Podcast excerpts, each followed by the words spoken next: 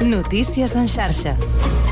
Bona tarda, són les 4 per la Marc Ventura. Llum verda de la cúpula d'Esquerra Republicana, l'acord d'investidura amb el Partit Socialista. L'executiva del partit, reunida de manera telemàtica, avui ha avalat l'acord per investir Pedro Sánchez, que inclou el pacte sobre l'amnistia, l'acord per al traspàs progressiu de Rodalies i, segons fons dels republicans, acords en àmbit polític que detallarà el president d'Esquerra, Oriol Junqueras, en una roda de premsa prevista a un quart de sis de la tarda a la seu del partit. La reunió ha durat una hora i mitja i els membres republicans han manifestat la satisfacció per l'entesa, també per la carpeta sobre finançament, en la qual asseguren que s'ha aconseguit una condonació parcial del deute del FLA, el Fons de Liquiditat Autonòmic, i el compromís d'avançar cap a la singularització del finançament de Catalunya. No obstant, l'acord encara ha de passar per una consulta a la militància i, mentrestant, Carles Puigdemont reuneix la cúpula de Junts per Catalunya a Brussel·les també amb un eventual acord d'investidura investidura amb el PSOE sobre la taula un acord entre Esquerra i PSOE, que és el de Rodalies, arriba també després de l'acord per la llei d'amnistia, que inclouria els afectats pel tsunami, de, pel tsunami democràtic, CDRs, Operació Judes i els policies que van carregar l'1 d'octubre el PSOE, Sumar i els partits independentistes ja ultimen una proposició de llei. Des del Partit Popular, el seu líder, Alberto Núñez Feijó, ja ha carregat en contra i ha dit que és en benefici propi de Pedro Sánchez. Tras llevar al gobierno de España al borde del precipicio constitucional, Sánchez ha decidido dar un paso adelante. Este acuerdo jamás existiría si no fuese por la necesidad de Sánchez. No es el interés general, es su exclusivo interés particular. De fet, el PP prepara una reforma del reglament del Senat on té majoria absoluta per entorpir la tramitació de l'amnistia. Quan els projectes de llei declarats urgents arriben al Senat, aquesta cambra té 20 dies naturals per revisar-los. Des del PP volen, eh, a partir d'ara, la, que la mesa del Senat decideixi cas a cas sobre si s'ha de tramitar urgentment o no, i això els permetria allargar o entorpir les tramitacions. Tenim notícia d'última hora tallada per una incidència a la L3 del metro de Barcelona entre Sants Estació i Paral·lel. Un servei especial d'autobús efectua el tram afectat. En eh, cultura, l'artista britànica Alison Jackson ha aterrat a Granollers per fer una visita guiada de la seva exposició Truth is Dead, en català La veritat ha mort. A la mostra, marcada en el Festival Panoràmic, hi trobem imatges falses de famosos que ens eh, fan reflexionar sobre la cultura de les celebritats i el poder de les xarxes socials.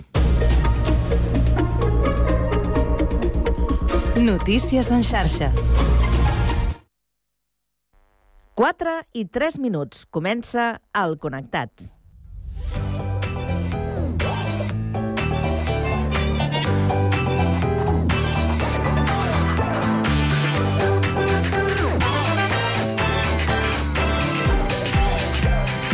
Connectats amb Carme Reversa.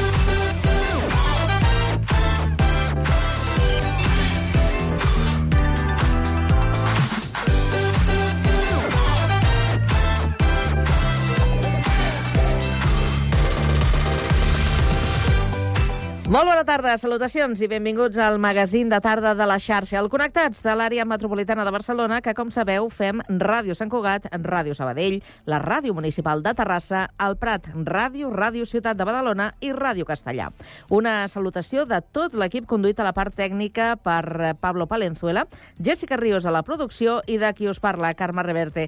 Avui és dimarts eh, 2 de novembre i volem saber quin temps ens espera aquesta tarda. Lluís Mi Pérez. Déu-n'hi-do els canvis de situació tan sobtats que estem tenint les últimes hores. Ha anat plovent ja a gran part del país, acompanyats aquests ruixats de molta velocitat del vent.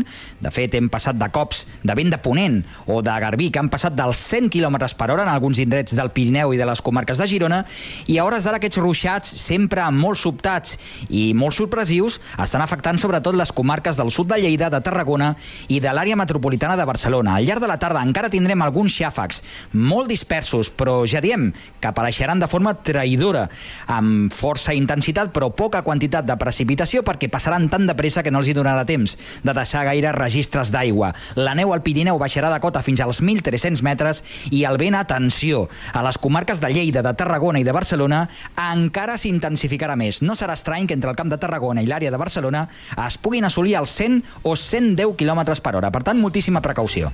N'estarem pendents a la xarxa.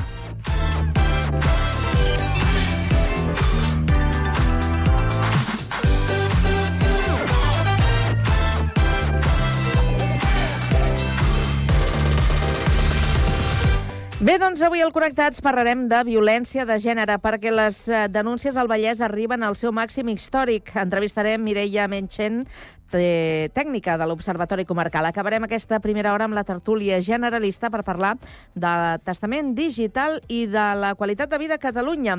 A partir de les 5 coneixerem la castellarenca Mari Pérez, influmierder, com s'autodenomina, i dermo consellera.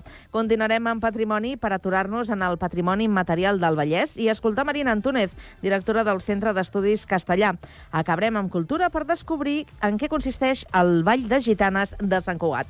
Tot això i més des d'ara i fins a les 6 de la tarda a la vostra emissora local. Connectats? Comencem. Dance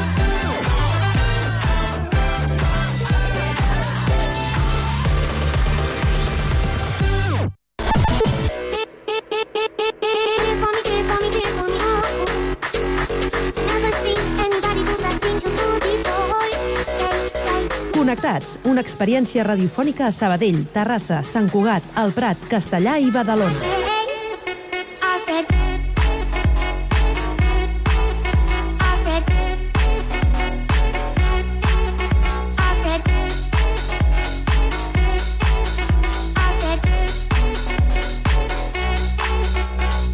Connectats amb Carme Reverte.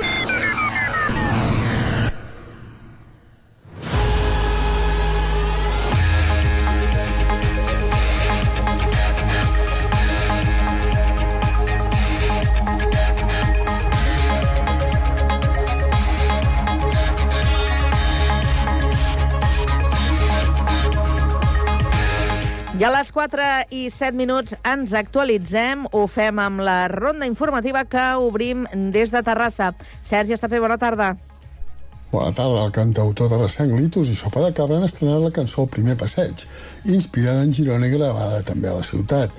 Aquest homenatge a Girona manté l'essència de l'estil de Sopa de Cabra combinat amb les melodies de pop-rock de Litus. El primer passeig és un projecte que neix de l'amor compartit per la ciutat de Girona, un lloc que ha estat testimoni del creixement tant de Sopa de Cabra com de Litus. Aquest senzill busca transportar l'oient directament a aquesta ciutat, un lloc carregat de records pel músic i també per a la banda. No és la primera vegada que el terrassenc Litus col·labora amb el membre de Sopa de Cabra, Josep Tió, amb qui ja ha coescrit diversos temes. Litus, Carles Ruiz Bosch, és un cantant com- i compositor i també intèrpret originari de Terrassa. La seva carrera musical l'ha portat a viure a diferents ciutats, incloent-hi Girona, Barcelona i Madrid. A més de la música, Litus ha fet incursions en el teatre, el cinema i la televisió i durant set anys va liderar la banda del programa Leitmotiv d'Andreu Bonafuente. Gràcies, Sergi. Seguim aquest repàs ara des de la cocapital a Sabadell. Avui que és notícia. Pau Duran, bona tarda. Bona tarda. La família de Pedro Fernández, la víctima de l'anomenat crim de les Bessones, recorrerà la sentència del cas. El jutge va dictar 17 anys de presó pels cunyats de la víctima, Pilar Vázquez i Isaac Gil, i 20 més per la seva parella en el moment del crim, Dolores Vázquez. Els familiars de Fernández creuen que no n'hi ha prou i demanaran que revisin les penes. Isabel Fernández, germana de la víctima, ho ha explicat avui en una entrevista al Cafè, en la qual ha assenyalat que no entén com el magistrat no ha tingut en compte els agreujants de premeditació i acarnissament a l'hora de fixar les penes. Per Fernández està prou justificat que les dues germanes i la parella d'una d'elles van planejar l'assassinat per desfer-se del seu germà. Per això demana que no surtin mai de la presó. que no salgan de la cárcel, porque mi hermana de donde está no va a salir. Entonces, eh, 16 años, a, los, a la mitad de los años eh, le dan el tercer grado y se están paseando por la calle como el que no ha hecho nada. Així mateix, Fernández ha dit que ho han passat especialment malament pel fet que Dolors Vázquez, la parella del seu germà condemnada a 20 anys, hagi estat fora de la presó des del moment del crim la nit del 10 de juliol de l'any 2021. Ha carregat durament contra ella i li ha retret que durant el judici no mostrés penediment pels fets en cap moment i que fins i tot tingués una actitud, diu, xulesca durant les sessions. Gràcies, Pau. I ara seguim. Anem al litoral, a Badalona. Concretament, Andrea Romera, bona tarda. Bona tarda, Carme. Les multes per l'incompliment de la zona de baixes emissions no arribaran al gener a Badalona, com preveia l'ordenança del govern anterior que ha quedat suspesa al ple municipal. La suspensió ha tingut el vot absolut dels populars, però la negativa de republicans, comuns i socialistes i l'abstenció de Guanyem. De fet, la voluntat manifesta del govern és que les multes per als vehicles més contaminants s'ajornin fins al 2027. La suspensió de l'ordenança, que s'havia aprovat al gener, està motivada, segons el govern, perquè el Reial Decret d'implantació de la zona de baixes emissions obliga a disposar d'informes previs que no té el consistori. Xavier García Albiol, alcalde de Badalona. Falta l'informe d'impacte econòmic, sí o no? Sí. Falta l'informe de- de- d'impacte de, de circulació? Sí. Escolti'm, doncs aquestes són, són, són realitats objectives. Els hem, els hem de tindre aquests informes, sí o no? Sí, perquè si no es pot passar com a Barcelona, que ara tenen que tornar eh, 34 o 35 milions d'euros perquè no van fer l'ordenança bé. I nosaltres no volem això. El govern del PP vol que l'àrea metropolitana de Barcelona redacti una memòria que ha de concretar a qui afectarà i en quines zones s'hauria d'implantar en la zona de baixes emissions. L'ordenança suspesa suposava restriccions de circulació al 90% de la ciutat, una extensió de la norma, segons el PP, indiscriminada. Gràcies, Andrea. Seguim al litoral, ara una mica més al sud, al Prat de Llobregat. Víctor Asensio, bona tarda. Bona tarda. La cooperativa agrícola del Prat denuncia que fa dos mesos que no reben aigua regenerada pel rec. Així ho ha assegurat el president de l'entitat que agrupa la pagesia local, que també ha afirmat que ara per ara el risc de perdre bona part de la collita és real. La cooperativa agrícola ara mateix només pot regar amb un terç de l'aigua que tenen assignada. El decret de sequera de la Generalitat prohibeix fer ús d'aigua potable per al rec i és per això que s'ha de fer servir aigua regenerada prominent de la depuradora del Prat. Però segons alerta l'entitat de la pagesia, ara per ara no es compleix amb el cabal acordat. N'escoltem el president Agustí Garcia.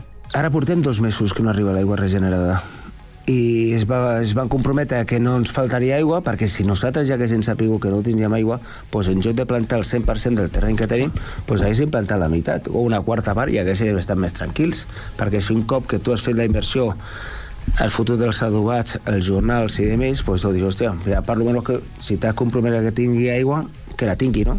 La pagesia depèn de la pluja per assegurar-se la supervivència de les collites. Una pluja que no arriba i quan ho fa no és suficient. Tanmateix, els aiguats de dilluns sí que han donat cert respir a les collites del Taicas.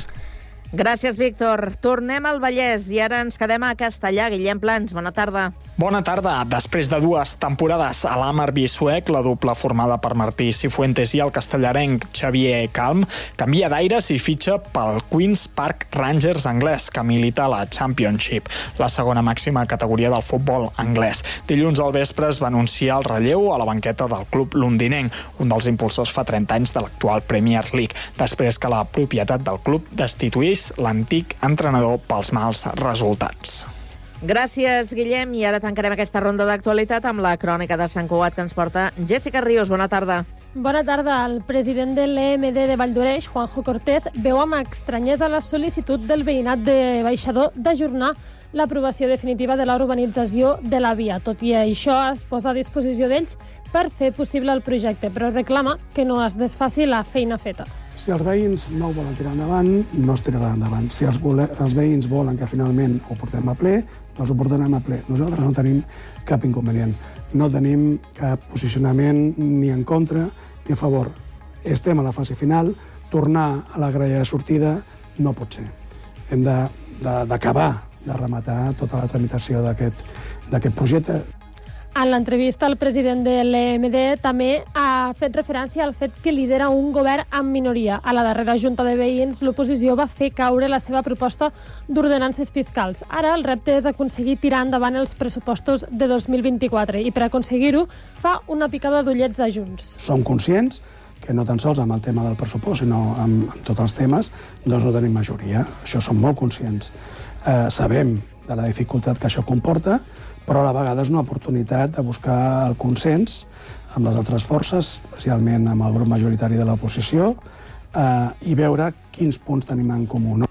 En la conversa, Cortés dona per bones les explicacions de l'alcalde Josep Maria Vallès que la comissionada per les relacions amb Valldoreix tindrà funcions d'assessoria. També aborda qüestions com l'habitatge a la vila o el futur de l'Escola de Música. L'entrevista íntegra la podreu trobar a www.cugat.cat.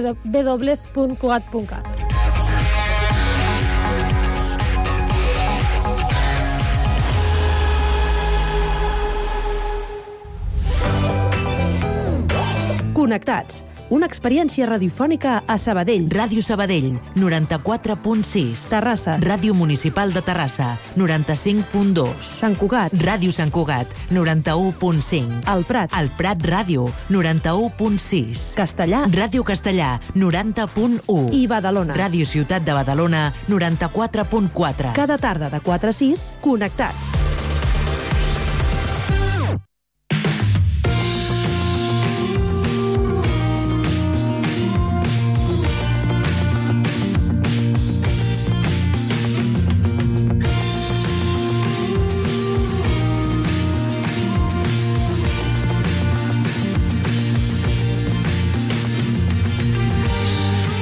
Les denúncies per eh, violència de gènere a la comarca del Vallès Occidental han arribat al seu màxim històric durant el segon trimestre de 2023. Per parlar sobre aquesta qüestió ens acompanya la Mireia Menchen, eh, tècnica de l'Observatori Comarcal. Mireia, bona tarda. Hola, bona tarda. També tenim amb nosaltres el Sergi Estapé. Sergi, bona tarda. Hola, bona tarda. Mireia, l'informe que, que porta per nom Dades trimestrals de la violència contra les dones d'aquest segon trimestre de l'any han revelat un augment del 7,3% de les denúncies respecte al trimestre anterior. Us han sorprès aquestes dades? Portem des del segon trimestre del 2022, és a dir, de l'any passat, que ja vam veure, ja vam arribar al màxim històric en el seu moment i portem en aquests uh, darrers trimestres al voltant de les 600 denúncies a la comarca, cosa que és uh, sorprenent perquè no havíem arribat a aquestes xifres des de... Tenim les dades des del 2013 i no havíem arribat a aquestes xifres. Inclús durant l'any 2022 també va ser el màxim de, de la comarca des del 2008 que, que tenim dades. Llavors, ens han sorprès, però el que estem fent ara és valorar eh, com continua, perquè hi ha molta variabilitat entre trimestres, però el que sí veiem és que està, estem veient aquesta tendència d'augment de les denúncies. Això és el que anava a preguntar, si sospitàveu per les últimes, eh, eh, per les últimes estadístiques doncs que això eh, tenia una tendència eh, a, a l'alça, no? que anava cada vegada més.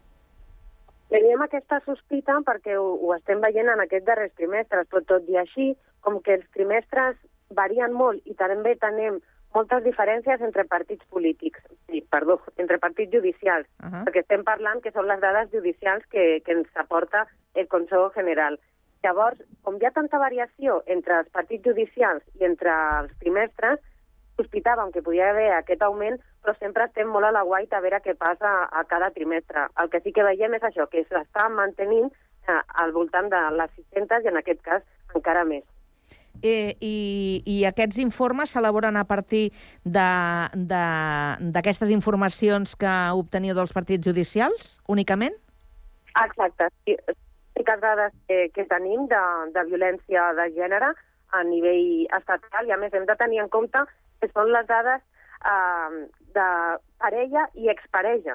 Tots aquelles delictes que poden ser contra la dona però no entren dins d'aquest codi penal uh, d'aquest àmbit dins de nacional, llavors no es tenen en compte. Nosaltres tenim aquestes dades judicials que ja ens aporten molta informació d'aquesta problemàtica que al final és a nivell de salut pública i almenys podem tenir aquestes dades. Ja fa, eh, és el, des del 2019 que realitzem aquest informe, en fem anual i trimestral i creiem que poder explotar-les aporta molta informació en detall del que realment està passant a la comarca.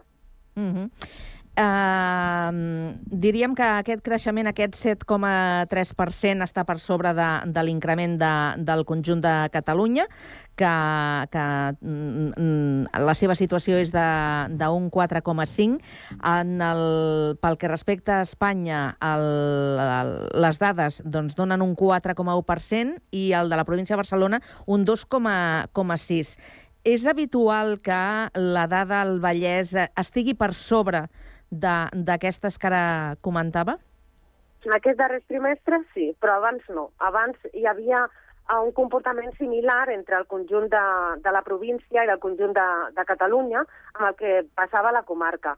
El conjunt d'Espanya sí que acostuma a diferenciar-se en diferents trets. Al final són moltes comunitats autònomes i moltes persones en aquesta mitjana espanyola. Però sí que veiem que la comarca tenia un comportament similar um, al, de, al que hi havia a l'àmbit català.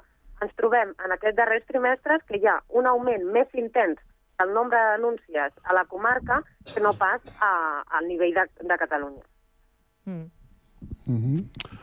uh, Mireia, en quant a, per exemple, en denúncies, en el segon trimestre la comarca presenta una ràtio de 3, perdó, 13,5 denúncies per cada 10.000 dones residents per sota de les xifres a Catalunya i a Espanya. També és, és normal que estigui per sobre la comarca en aquest sentit?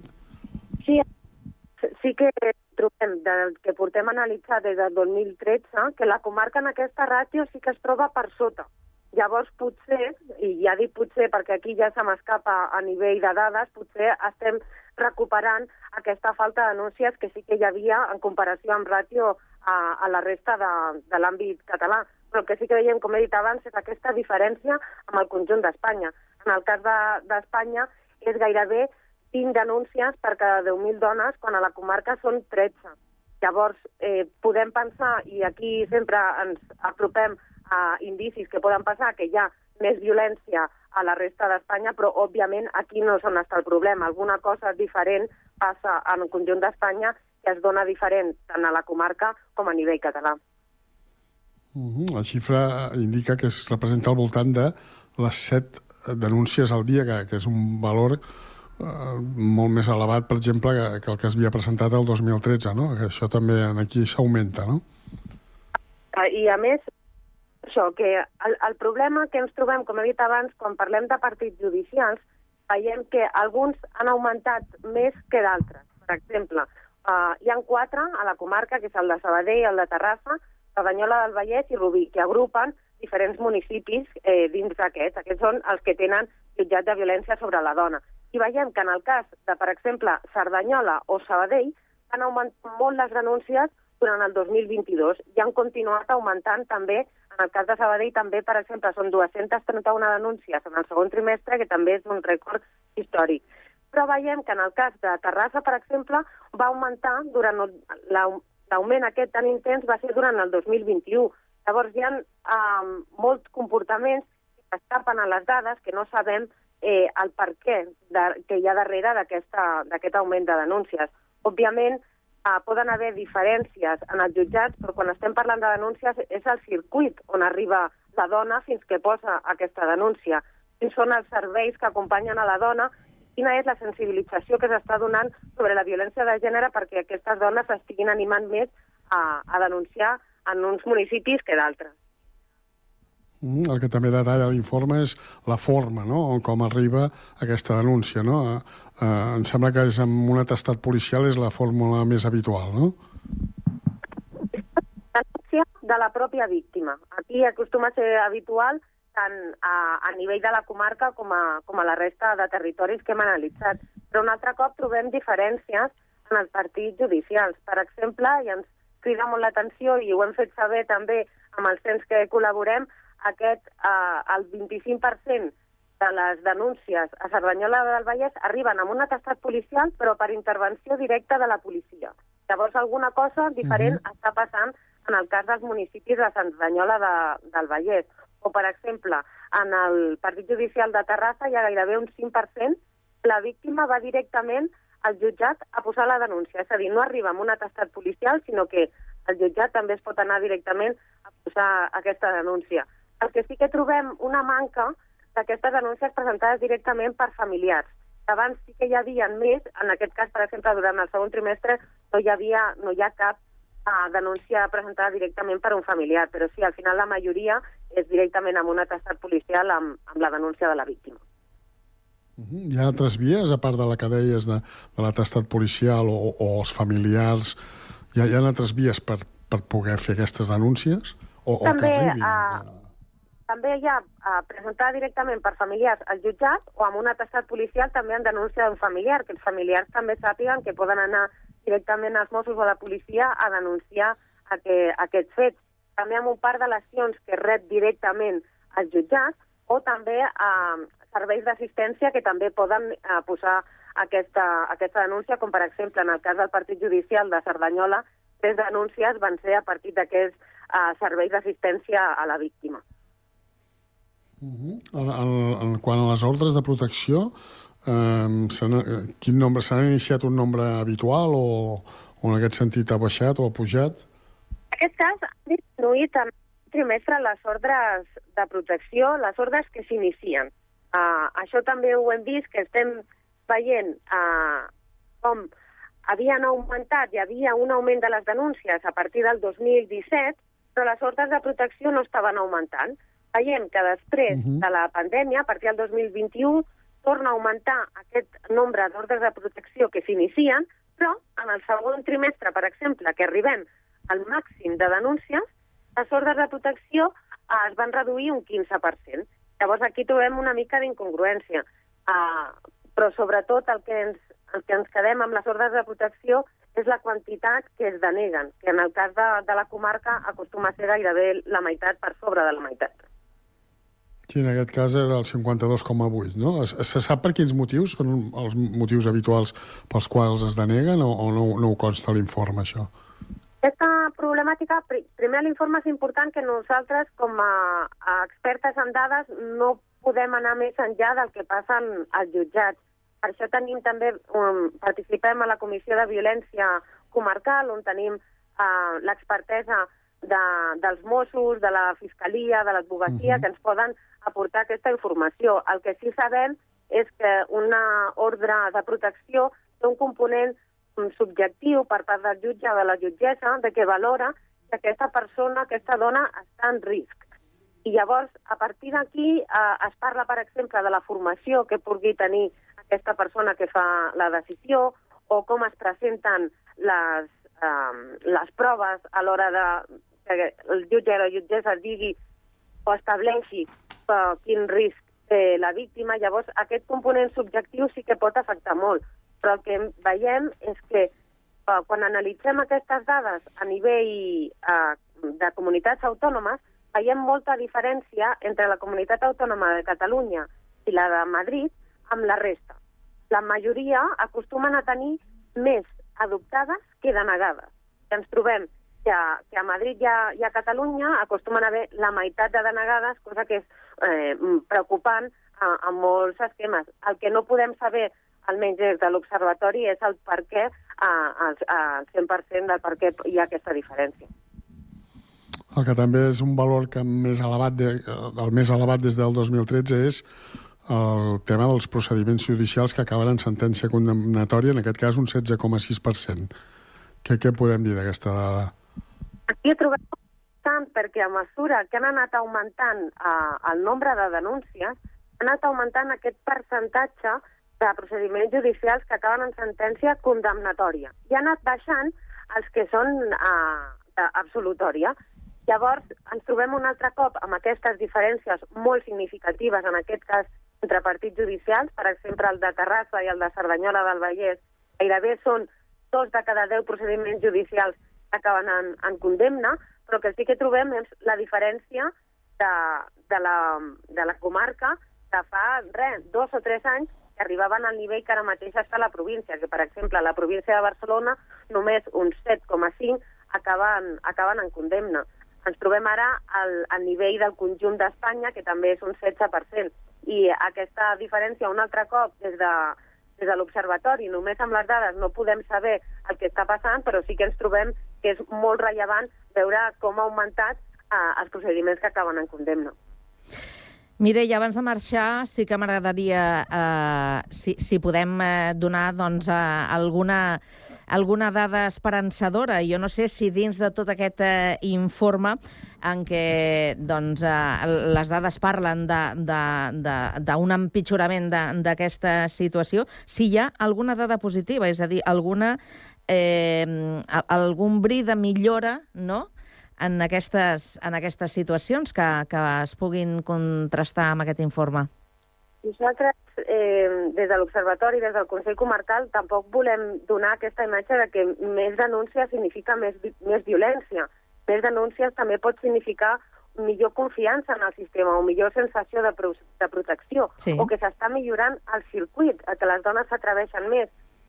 Veiem, per exemple, les, les trucades a la línia d'atenció contra la violència masclista, que va augmentar molt durant el 2020, quan no podien anar a denunciar, i aquestes xifres s'han mantingut per sobre d'abans de pandèmia. És a dir, que estem veient que les dones utilitzen més els recursos que tenen al seu abast per poder demanar ajuda.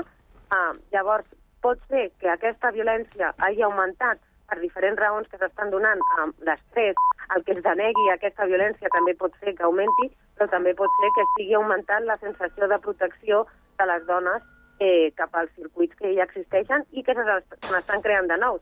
Per exemple, al Consell Comarcal ara s'ha creat un CIAT, el Servei d'Informació i Atenció a les Dones itinerant als municipis petits on, on abans aquest servei arribava d'una altra manera, ara es fa de manera més personalitzada. Potser aquestes dones estan veient aquesta resposta de, de les administracions i, i, i també eh, es senten més eh, ajudades. Doncs ens quedem també amb, amb aquesta reflexió. Mireia Menchen, tècnica de l'Observatori Comarcal, moltíssimes gràcies per passar pel Connectats i bona tarda. Bona tarda. Gràcies. Sergi, bona tarda. Bona tarda. Adéu.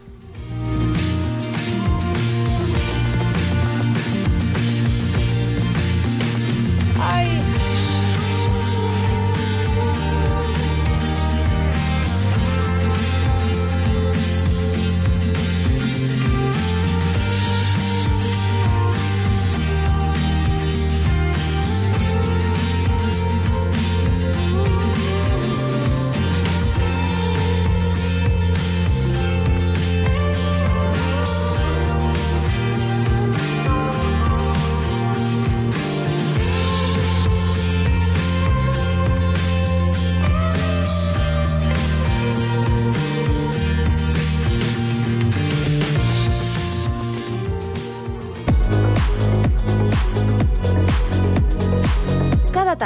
946 Connectats. Una experiència radiofònica a Sabadell, Terrassa, Sant Cugat, Castellà, El Prat i Badalona.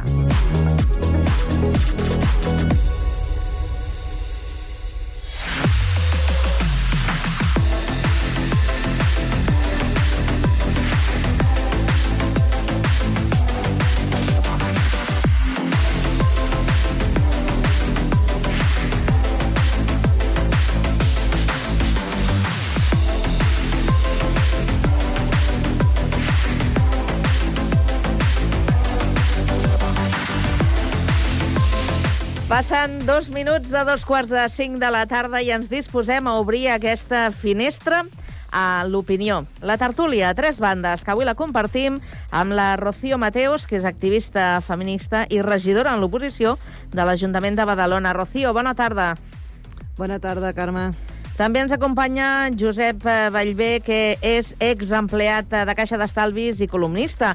I, com sempre, ens espera a Terrassa. Josep, bona tarda. Bona tarda, aquí comença a ploure. Eh, a, la muntanya, a la muntanya ha de ploure. Doncs a- aquí han caigut aquest matí quatre gotetes. Sempre cauen quatre, eh? No, no, no cauen més. Però de moment s'aguanta. Content de retrobar-me amb vosaltres. Igualment. I a Sant Cugat tenim el Juan Merino, que és jubilat i activista, i, i, i avui que has vingut sense paraigües o amb paraigües? No, no, porto el paraigua. Ah, porto portes el paraigües. deia, Bona tarda. Vens preparat. Sí. Molt bé, doncs, eh, escolteu, avui parlarem, ja que venim de la celebració de Tots Sants, que se celebra aquests dies, la festa dels difunts, eh, doncs eh, crec que estaria bé que poguéssim parlar d'una situació que segurament no tenim massa, massa en compte. Ja ens costa pensar en fer el nostre testament, imagineu si Uh, estem pendents de fer un testament uh, digital, que és el tema que us proposava per avui. I, i poca broma, perquè mm, això suposa més d'un mal de cap per quan deixem aquest... Eh, eh, quan deixem la, la Terra i marxem Sí, sí, sí. no sabem a on, doncs eh, tot allò que hem deixat en els nostres telèfons mòbils, a, als nostres correus electrònics, a, a les nostres xarxes eh, socials, doncs tot allò, què, què passa amb tot allò? Mm, Què, què, què es pot fer? Jo us pregunto d'entrada si vosaltres telèfon mòbil intel·ligent teniu. Sí? Sí. Sí, sí, sí. sí. Sí, Teniu sí, correu sí. electrònic? Sí. També? També. Sí. També. Claro. I xarxes socials? Bueno. Cap ni una. Alguna. Mira, això que t'estalviaràs. Jo, jo cap ni una, cap ni una, eh, i tinc un criteri poder esbiaixat o, o raro. Teu, és un criteri sentit- teu. No, no, és un criteri que, a veure, tenint en compte que escric a diferents mitjans, a veure, i sempre vull contestar eh, tothom qui em- qui m'envia alguna cosa no donaria l'abast. Hi ha gent que m'hi posa a les xarxes socials, algun article i tal, però per principi no estic a cap xarxa. Ni Facebook, ni Twitter, ni Instagram, res. No, no, pues hay Ho sento. alguns, perquè jo tinc un company allà de l'Espai 60 a la Floresta que aquest, el, el telèfon que porta és, de, et dic, jo no sé, de los primeros que... Un Nokia, un Nokia d'aquests que és telèfon Sí, únicament. sí, que això ja creo que està ja en los museos. No? Pues no, aquel es no et pensis, estan, estan de moda un altre cop, eh? Sí, sí, Pues és perfectament respectable gent gran que té un telèfon d'aquells de tapa que només volen fer-lo servir per trucar i que el truquin. Sí, sí, molt bé. aquest, pues aquest lo té. Sí, sí. Sí, sí, no, no. I no és l'únic, eh? No, Et no, no, ja ves, ja ves, ja ves que hi ha més, que hi ha més gent. Bé, doncs això que deia jo al principi, algú hi ha pensat alguna vegada en la possibilitat de fer aquest testament digital? La veritat, per mi ha sigut una sorpresa, una sorpresa perquè ha sigut avui, avui al matí, quan està llegint el que m'havies passat, i dic, ostres, jo no havia pensat mai en això. Sí, tenia la cosa aquella que a vegades, mira, fa poc se va, va morir un, un amic íntim, i, i, va, i va estar sortint després en Facebook, va estar sortint, dic, hosti, per què no dan de baixa això? Va ser la primera vegada que vaig pensar, però... I ara m'he quedat sorprès, dic, ostres, pues sí que, sí que te van, tindrem problemes. O sea, tendrem que tenir tres testaments, ¿no? El testament normal, el testament vital y luego después ahora el testament digital. Pues vale, pues no sé, pues habrá que hacerlo, pero la, la veritat és que sí, sí, no, és, és molt interessant, sobretot per a aquelles persones que tenen empresa, treballen amb els mòbils, con els correos, tot, i bueno, para nosotros los mortals que ja estem jubilats, però bueno, sí, és interessant, és És interessant. igual, estiguis jubilat sí, sí. o no estiguis jubilat. Tu Sí, tens un patrimoni digital Sí, sí, sí. Que, que et dona una identitat Sí. digital, Digital, també, sí, sí. i que això, un cop marxem, quedarà. Què passarà amb tot aquest eh, Bueno, el que material? més, més de tot és això, és que algú pot suplantar la teva identi- identitat. Aquest és el tema, també. Aquest és el tema. Però bueno. Ro Rocío, Pues mira, eh, la mayoría de personas que yo conozco tienen ya pánico hablar del propio testamento y el testamento vital, ¿no? Porque no quieren verse que la muerte está cerca, ¿no? La muerte, bueno, es que no sabemos, ni- no es por edad ni es por nada, no sabemos nunca cuándo nos va a llegar. Lo que ocurre es que ahora eh, tenemos muchísimas eh, conexiones con las redes, muchísimas, ¿eh? Porque mira, un simple correo electrónico, ya no te hablo de las charchas, pero un simple correo electrónico, la gente que trabaja, los que tienen un blog, bueno, muchísimas conexiones. Entonces, ¿qué ocurre con esto? ¿No? Esto se queda ahí, pero claro, lo más peligroso es la suplantación. Esto sí que es sumamente peligroso porque una vez que la persona fallece, no todo el mundo que está conectado a estas redes sabe que esa persona ha fallecido por lo cual pues puede ser utilizado de forma que, que habrá gente que, que pueda decir, "Ay, pues mira, esta persona sigue todavía ahí, ¿no? Entonces eso es peligrosísimo. Pero luego, claro, una parte de, de ti que tú has estado compartiendo en tus redes, ¿no? Es, y más la- las personas que compartimos diariamente, pues claro, es, es, es, hay mucha, mucha información personal de, de cada uno de nosotros, aparte de profesional, ¿eh? hay mucha información personal, que una vez que la persona ha fallecido, pues la propia persona no quiere que eso continúe ahí, ¿no? Porque ya está, ya ha desaparecido, pero es que muchas de las familias también es un drama cada vez que ven que alguien pues pone un like o pone algo y vuelve a salir esa persona en pantalla, ¿no? Imagínate que eh, la persona ha fallecido hace tres días, pero lo ve otra persona hoy y le pone un like porque le gusta y vuelve a salir esa persona, ¿no? Eh, eh, entonces, claro, también para la propia familia es un drama encontrarse con estas situaciones, por lo cual yo pienso que esto nadie lo ha- o casi nadie lo hemos pensado, ¿no? Lo del testamento digital, pero sí que creo que es, es muy bueno, ¿no? De pensarlo y de, de poderlo llevar a término y decidir lo que quieres hacer, lo que quieres hacer ¿eh? con todas tus redes o con todo tu, con todo donde estés eh, incluido en toda, en toda la extensión de, la- de, de las conexiones. Perquè en aquest testament digital hi hauria una figura que, que seria l'hereu, així com en els... digital, Sí. sí. Així com en els testaments, de, deixem les nostres pertinences a, a qui sigui, a qui triem, doncs en el cas de, del, del testament digital també podríem triar a una persona que també, mm, què voleu que us digui? Sembla que li deixes mm, No, clar. un, un marrón, no? És que si no lo fa, Pues sí. le llegarà un marrón de veritat. Si no lo fa, si no fa... Josep, vinga. Sí, sí, jo sé que parla Josep. Perdó, a mi, a veure, vull aixecar una, no sé, una llança en favor de la gent gran, mm, eh, gent gran, no sé, que ultrapassi els 75 anys, en algun cas 70. Hi ha molta gent que no, per, no es veu amb cor d'entrar en aquest món, en aquest món digital, pel que sigui, parlar-los de tots aquests temes, algú li deu estar semblar que l'estem li estem aixecant el coll de la camisa, li estem parlant de ciència-ficció. Aleshores, eh, també he tingut una sorpresa avui quan heu plantejat aquest tema, igual que, que parlava el primer company, el primer, el primer contertulià. El Juan, sí. Eh, però a veure, el testament, tothom té fet testament? Posaré un exemple que em va passar ahir. Vaig anar amb un, amb un centre cívic, fer un tràmit, i una senyora que està allà fent una activitat, ah, no marxi, Josep, que et vull plantejar una cosa. Es veu que li havien fet una prova en un centre sanitari, no li havien enviat unes proves bé, li havien dit, bueno, ell va trucar i li van demanar doncs, que els hi fes arribar eh, escanejat el seu carnet, un document que li havien enviat i no sé què, i ella no sabia fer-ho. Aquesta persona té, doncs, poder té eh, 57-58 anys, que ja és una edat que teòricament, bueno, s'ha de respectar tot. Aleshores, eh, vaig eh, escanejar el seu carnet, vaig escanejar aquell document, el vaig enviar, eh, i la sorpresa avui és que em contesten d'aquest centre dient, jo demanant que li, li tornin a enviar, a reenviar unes coses que ella no les rep, o sigui, li envien un document que no s'obre, tal, i avui, mm, se- emparant-se amb la llei orgànica de protecció de dades, que és un tema del qual n'hauríem de parlar dintre de tota aquesta temàtica, doncs em demanen que els adjunti el meu document d'identitat, no tinc cap inconvenient, i que eh, ompli i que signi jo i que m'autoritzi aquesta senyora per... I, bueno, jo m'he indignat, he trucat en el centre, la senyoreta de la centraleta, doncs no he aconseguit convèncer-la que no és a mi que m'ha d'enviar aquesta documentació. És en aquesta senyora de la qual tenen un telèfon mòbil, estem parlant d'una persona de 57-58 anys.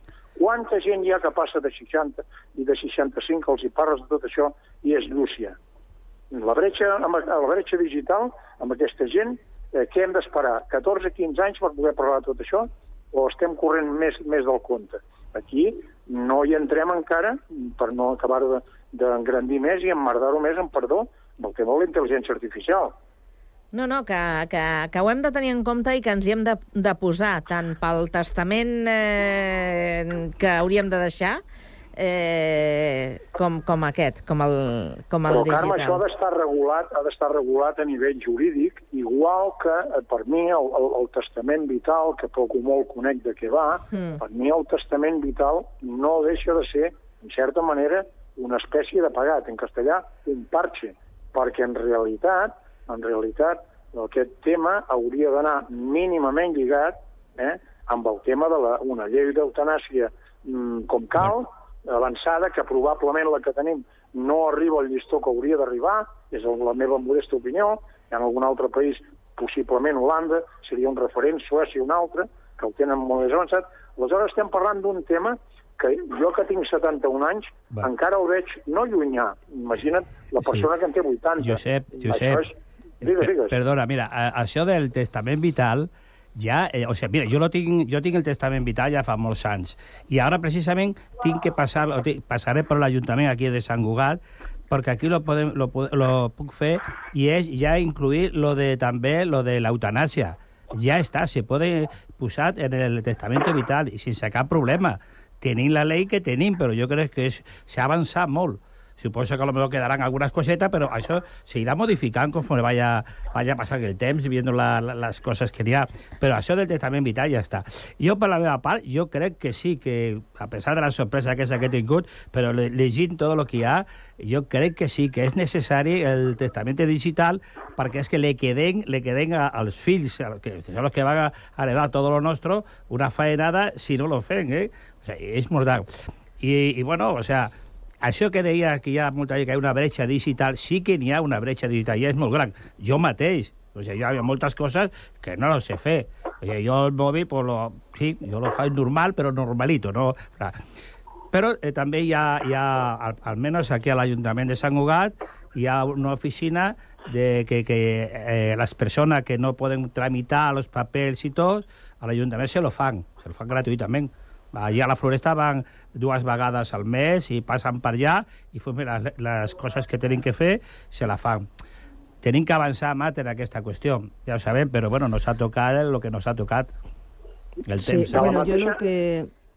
En, endavant, Rocío.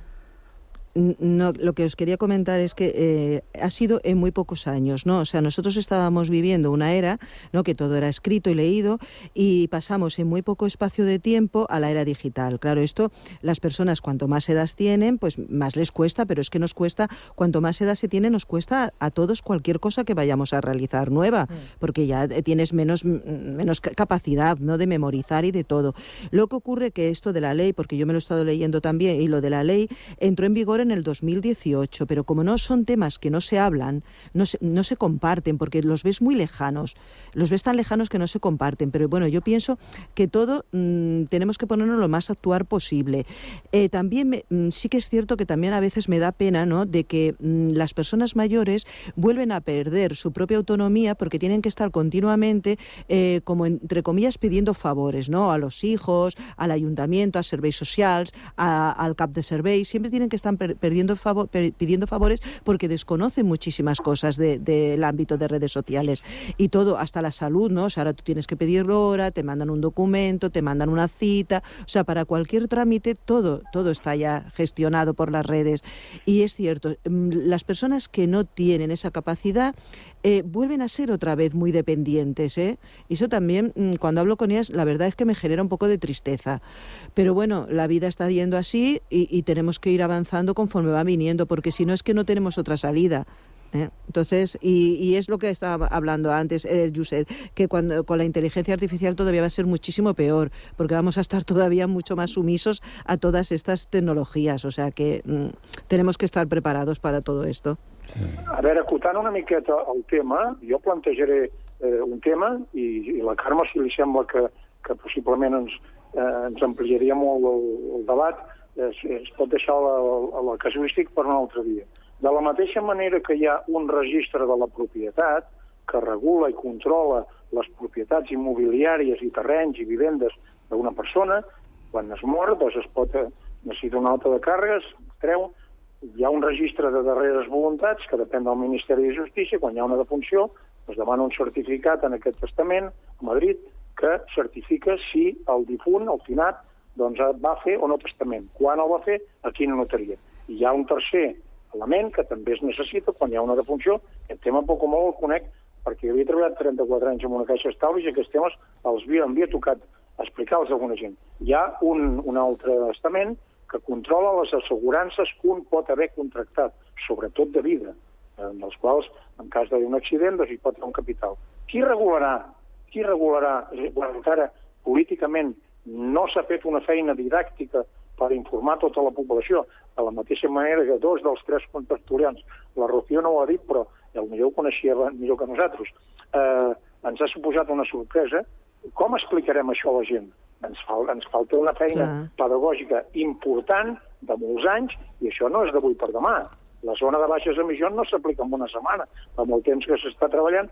Doncs això jo ho veig eh, interessant, important, però eh, la feina a fer eh, és impressionant. Tenim tela marinera. De Totalment, fet, a, a, totalment. a Catalunya eh, crec que bueno, s'explicava que el 2017 eh, es va intentar presentar un projecte de llei que no va poder tirar endavant, eh, que el Constitucional el va rebutjar perquè no era competència de, del, del Parlament de Catalunya i, i així estem. Ara falta doncs, eh, tenir un reglament específic que reguli totes aquestes Sí, no ho sé, qüestions. però això passa, passa sovint en, en moltes coses, no? O sigui que se, sa- surt una, una llei no, i no se desenvolupa i no se le fa seguiment i, i a més a més no s'informa a, a, la, a la gent de, de com està tot, no? Eh, una anècdota sobre aquesta qüestió. Ara mateix eh, nosaltres aquí a Catalunya sembla que encara no tenim, no tenim llei electoral, per exemple. No tenim que regir per la de Madrid. Ara, després de tants anys, aquí al, al Parlament, en comissió, s'està discutint la, la llei de cinegètica, o sigui, la de caza. Eh? Resulta que la Generalitat competen- competències totales desde sempre. Des, bueno, des de l'any 1970. O sigui, és una llei, una llei preconstitucional que està... I no ha fet res fins ara. O sigui, i vull dir que, bueno, surt la llei, i aquesta sortia el 17, i tenim aquest problema, i és que hi ha tantes coses que no s'han fet que, que han retrasat en tot. O sea, és que no... no agafi per Bé, la en agafi. qualsevol cas, eh, eh, ja hem abordat el tema, ni que sigui fent algunes pinzellades, per eh, donar importància a un tema que segurament tenim així una No, no. mica... Per mi, eh, per mi sí que té molta per, importància. Per, per, te- teníem un- una mica oblidat. Però sabeu què? Millor que no ens morim així. No ens, així no ens haurem de preocupar. De tota manera, de tota manera se'n se gira molta feina, eh, tots plegats. Ja, i- bueno, si fos només per això, eh, tenim tanta La feina suplant- que... Una última cosa, la suplantació d'identitat que deien, quan un es pugui morir amb tot el que deixi a nivell d'arxius informàtiques amb un ordinador, al núvol o allà on sigui, Mm. eh, té un, un exemple paral·lel en el món bancari, quan es mor una persona a una determinada data, doncs eh, els, els hereus o la família han d'anar a demanar un certificat dels saldos del dia de la defunció eh, per portar al notari i preparar l'acceptació d'herència. Al món bancari nosaltres ens havíem trobat un senyor que es mora avui, porten el certificat de defunció i l'endemà un dels fills que tenia accés als comptes bancaris del pare agafa i fa una transferència de 6.000 euros i se'ls posa al seu compte. La feina que tenim és brutal. Clar que el lladre, entre cometes, se l'enxamparà. Però tot això està molt a les beceroles, està en, en los albores. I, mm, bueno, és interessant que en parlem, que ens mentalitzem, que ens conscienciem, mm. però d'entrada el que cal és una llei que ho reguli. I aquesta llei no es parirà en dues setmanes. Es necessita temps, s'ha d'abordar bé, gent que hi entengui, delimitar unes coses, i els grups polítics que la, que la pactin. Doncs en, Totalment. cam, canviem, si us sembla, de, de tema i mentrestant jo us animo a continuar vivint. que és, és, és el millor que podem és el fer. millor que, el millor que podem fer per a Sí, no... sí. Mira, a lo millor mentrestant, mentrestant podem ja aprendre a, a, a, a fer tota la qüestió digital. Oh, clar, Eh? fem-les nosaltres, no, no deixem cap eh? herència a ningú, perquè si aquesta herència no, no és gens de, gens de bo. Però, vaja, canviant de, de tema, i, i continuem parlant de la vida, eh? perquè Sí. resulta que l'últimes- les últimes dades de, de, de l'INE, de l'Institut Nacional de- d'Estadística, apunten que la qualitat de vida a Catalunya ha caigut fins al nivell de fa 10 anys. Jo us pregunto, com, com sentiu que és la vostra qualitat de vida a, a Catalunya? Eh, eh, per mi ha empitjorat. Sí? Sí. Mira, solamente, solamente con un, un, una dada. Uh, que diu, el 40% dels productes que se venen al supermercat ja són marca blanca. Això vol dir que la cosa va malament. Va malament. És un, un indicatiu que la cosa va malament. A, a veure, Rocío, com consideres que és la teva Pues, qualitat de vida a Catalunya? Claro, a ver, yo me encanta vivir aquí, ¿eh? pero, pero sí que es cierto, no es verdad. ¿eh? Una cosa es que domine la lengua y otra cosa es que yo vivo y valoro y tengo muy buenas amistades. Bueno, es a nivel personal, pero sí que es cierto que si nos vamos a, a todos los niveles, no, pues a nivel climático fatal, ¿no? Porque tenemos una gran contaminación atmosférica, contaminación. Entonces todo esto, pues claro, nos perjudica para la salud. Si vamos en esos ámbitos, ¿eh? A nivel de salud mental, pues nos estamos eh, generando, ¿no? Que todos nos estamos haciendo como muy, mm, eh, muy nuestros, ¿no? O sea, estamos mermando las relaciones sociales, cada vez estamos involucrados más en nuestro propio ámbito, estamos perdiendo relaciones. Esto también es, es- perjudica nuestra vida, ¿no? Nuestra vida social. Antes éramos como más abiertos a quedar con los amigos, a compartir cosas. Ahora está todo como más individualizado. Y yo siempre digo que una parte de culpa la tuvo el COVID, ¿eh? que nos hizo como generar miedos. Después, ¿qué hay? La percepción, la percepción de inseguridad. Entonces, ante esta percepción de inseguridad, también tienes miedo a ir a según qué sitios de noche, a compartir espacios, a estar con la gente. O sea, quiero decir que em, si lo miramos desde una, un amplio espectro, pues sí que te sientes como peor, ¿no? Te sientes como peor. Pero luego a nivel personal, claro, cada uno dice, puede mirarlo y decir, oye, pues yo estoy genial, me va muy bien, estoy muy, co- muy a gusto donde estoy. Pero sí que es verdad que si compartes con las personas, eh, te dicen que, que mm, mayoritariamente están como peor, ¿no? Pero Mm. bueno, esto es muy objetivo, ¿eh? es muy objetivo y hay que mirarlo también desde un pálpito individual también, ¿eh? Bueno, que tenien... co- Perdona, el... El Josep, vinga, Josep. Perdona. A, a nivell, eh, o sigui, en aqu- aquesta millora de la qualitat de vida que hem anat enrere, a vegades jo la tinc aquesta, en part aquesta percepció sense voler ser negatiu, però és que el ventall que deia la Rocío, no ha de ser solament eh, mirar el tema econòmic, hem de mirar el tema mental, hem de mirar el tema esports, hem de mirar el tema valors, hem de mirar el tema climàtic, hem de mirar el tema educació, hem de mirar el tema salut. Indubtablement, tal com ella ha dit, que m'ho ha tret, no vull repetir-me, el Covid ha fet molt de mal. Aleshores, eh, els avenços tecnològics, i tornem al tema digital que teníem abans, m'han suposat doncs, una facilitat a l'hora de comunicar, a l'hora de buscar, les hemeroteques no és anar a buscar un llibre i rascar-te fulls i fulls, és apretar un botó i tens el moment. Això que ha implicat? Doncs que molta gent jove, sobretot, i gran, doncs la cultura de l'esforç l'han perdut. En aquest sentit, en aquest sentit, tots aquells que diuen eh, una frase de, de la dictadura que cualquier tiempo pasado fue mejor, en aquests aspectes, jo crec que en moltes coses no 10 anys enrere, i fins i tot 20 i 25, perquè, mm, perquè ho perceps, surts al carrer i, i la, la diversió que nosaltres teníem a la nostra època ara és sortir la nit de Halloween o de la castanyada, o dir-ho com vulguis, i sí. emborratxar-se o prendre... No ho sé, aquesta percepció sí que m'importa eh, a creure a vegades que hem, hem endarrerit el rellotge de anys. Vinga. Bueno, em fa sí. por, em fa por. Sí, no, bueno, pero digo que lo, lo, económico, lo económico es lo principal que tienen aquí, o sea, dentro de toda aquesta cuestión es la pérdida de, de, del poder adquisitivo que han tingut tots, y no solamente desde, desde la pandemia, es que la cosa continúa, después va a vendrá la guerra de, de Ucrania y no sé lo que, no, lo que nos deixarà ara aquesta, no?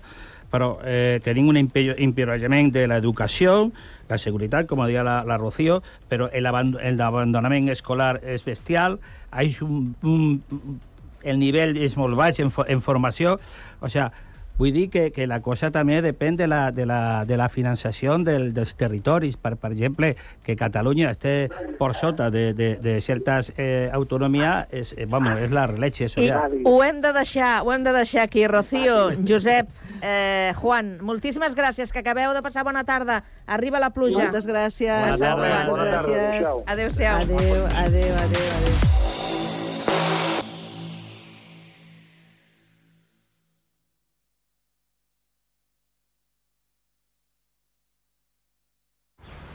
Estàs pensant a posar plaques solars a casa teva?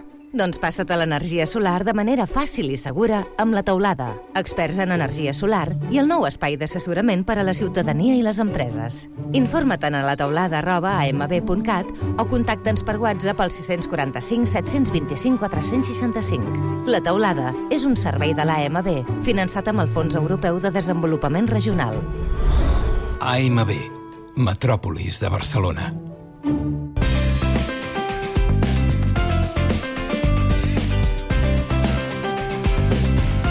Ràdio Sant Cugat, 91.5 FM.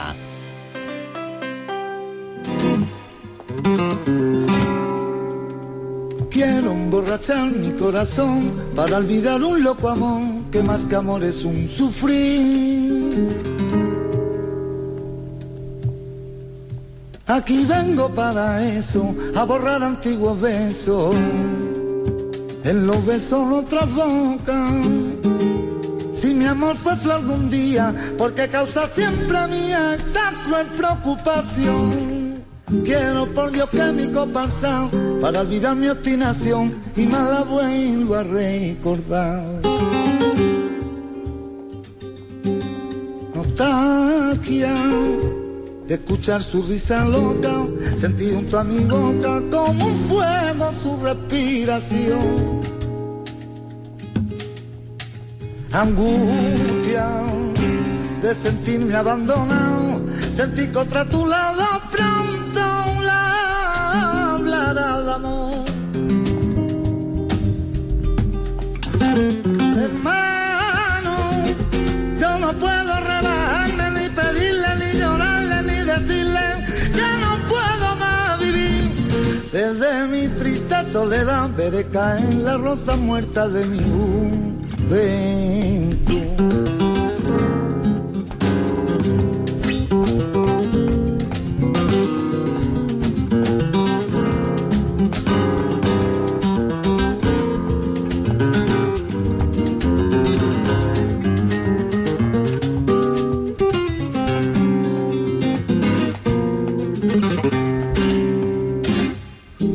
Abandoni un tango gris, quizás a ti te llena igual que algún adiós sentimental. Llora mi alma de fantoche, sola triste y esta noche, noche negra sin estrella. Si la copa trae consuelo, aquí estoy con mi desvelo para darlo